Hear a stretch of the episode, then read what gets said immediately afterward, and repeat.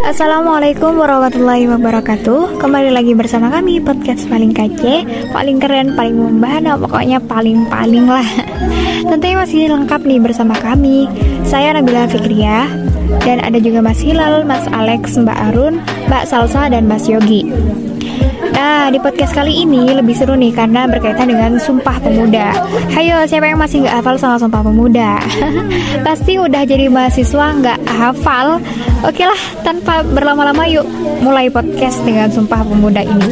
Apa sih Sumpah Pemuda itu? Sumpah Pemuda adalah suatu pergerakan kemerdekaan Republik Indonesia yang dilakukan oleh para pemuda-pemudi Indonesia dengan menyatakan janji suatu su, satu tanah air, satu bangsa dan satu bahasa. Tentu eh, bagaimana sih sejarah terbentuknya Sumpah Pemuda itu? Sumpah Pemuda adalah sejarah yang mengatakan Indonesia menuju kemerdekaan walaupun Indonesia masih dijajah oleh agresi militer Belanda setelah dua tahun kemerdekaan. Jika permasalahan Indonesia dianalisa pada saat momen Sumpah Pemuda yaitu 93 tahun yang lalu, bagaimana menyadarkan dan mengedukasi para pemuda-pemudi yang sudah uh, yang uh, yang dijajah oleh negara lain. Permasalahan tersebut telah membangun beberapa organisasi dan mendorong para pemuda-pemudi untuk memperjuangkan kemerdekaan melalui banyak cara pendidikan akal, akhlak yang me akhlak dan mental yang kuat. Kemudian eh, permasalahan ini berkembang yaitu 76 tahun yang lalu bagaimana mempertahankan kemerdekaan dari negara lain. Permasalahan tersebut hingga saat ini masih berlanjut hingga saat ini dan belum berakhir dan diteruskan ke generasi selanjutnya. Nah, jadi gitu penjelasan singkat saya tentang Sumpah Pemuda. Nah, kalau menurut permasalahan pemahaman Mas Hilal, apa sih yang dimaksud dengan Sumpah Pemuda? Peristiwa Sumpah Pemuda adalah peristiwa yang terjadi pada 28 Oktober 1928. Ini merupakan satu tonggak utama dalam sejarah pergerakan kemerdekaan Indonesia. Ikrar ini dianggap sebagai kristalisasi semangat untuk menegaskan cita-cita berdirinya negara Indonesia.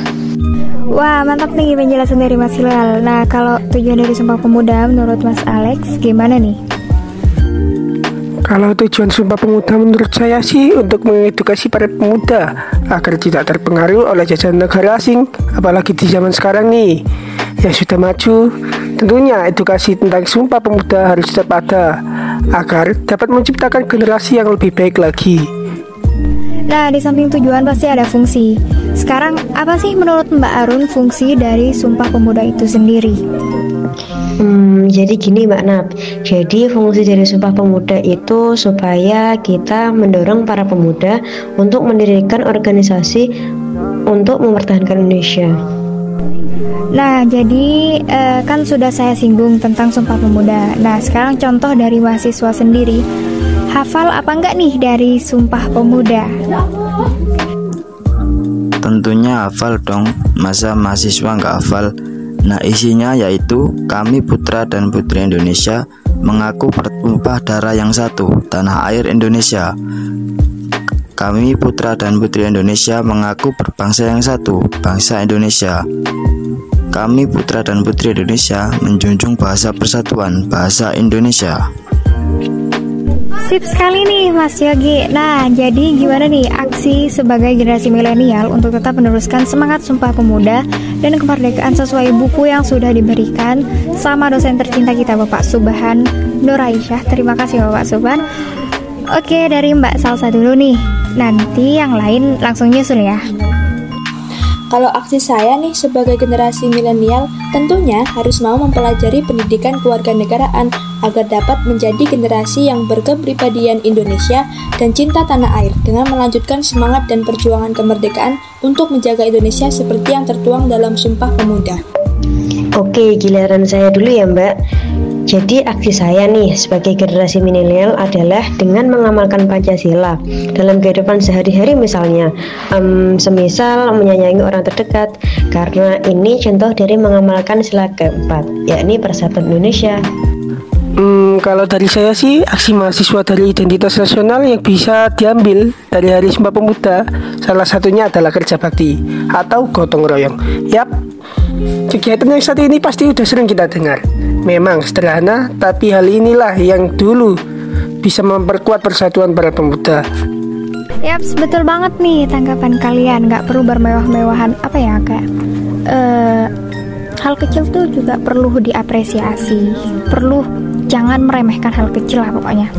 Nah, selanjutnya kita beri contoh gambaran kasus yang marak terjadi akhir-akhir ini. Saat momentum peringatan Hari Sumpah Pemuda pada tanggal 28 Oktober dimanfaatkan kelompok mahasiswa, buruh, dan aliansi masyarakat sipil lainnya di sejumlah daerah untuk berunjuk rasa mengkritik pemerintah Joko Widodo yang kini telah memasuki tahun ketujuh atau dua tahun periode keduanya. Aksi ini dilakukan oleh rangka evaluasi dua tahun Kabinet Indonesia Maju di bawah pemerintah Joko Widodo dan Ma'ruf Amin. Nah, dari sekilas berita di atas, apa reaksi kalian sesuai dengan pem pembahasan buku yang diberikan oleh Pak Subhan? Dari Mbak Salsa dulu nih, gimana nih Mbak reaksinya? Reaksi yang saya ambil setelah membaca berita itu adalah adanya aksi para pemuda untuk melanjutkan semangat Sumpah Pemuda dan kemerdekaan dengan berpartisipasi politik menyuarakan pendapat melalui unjuk rasa.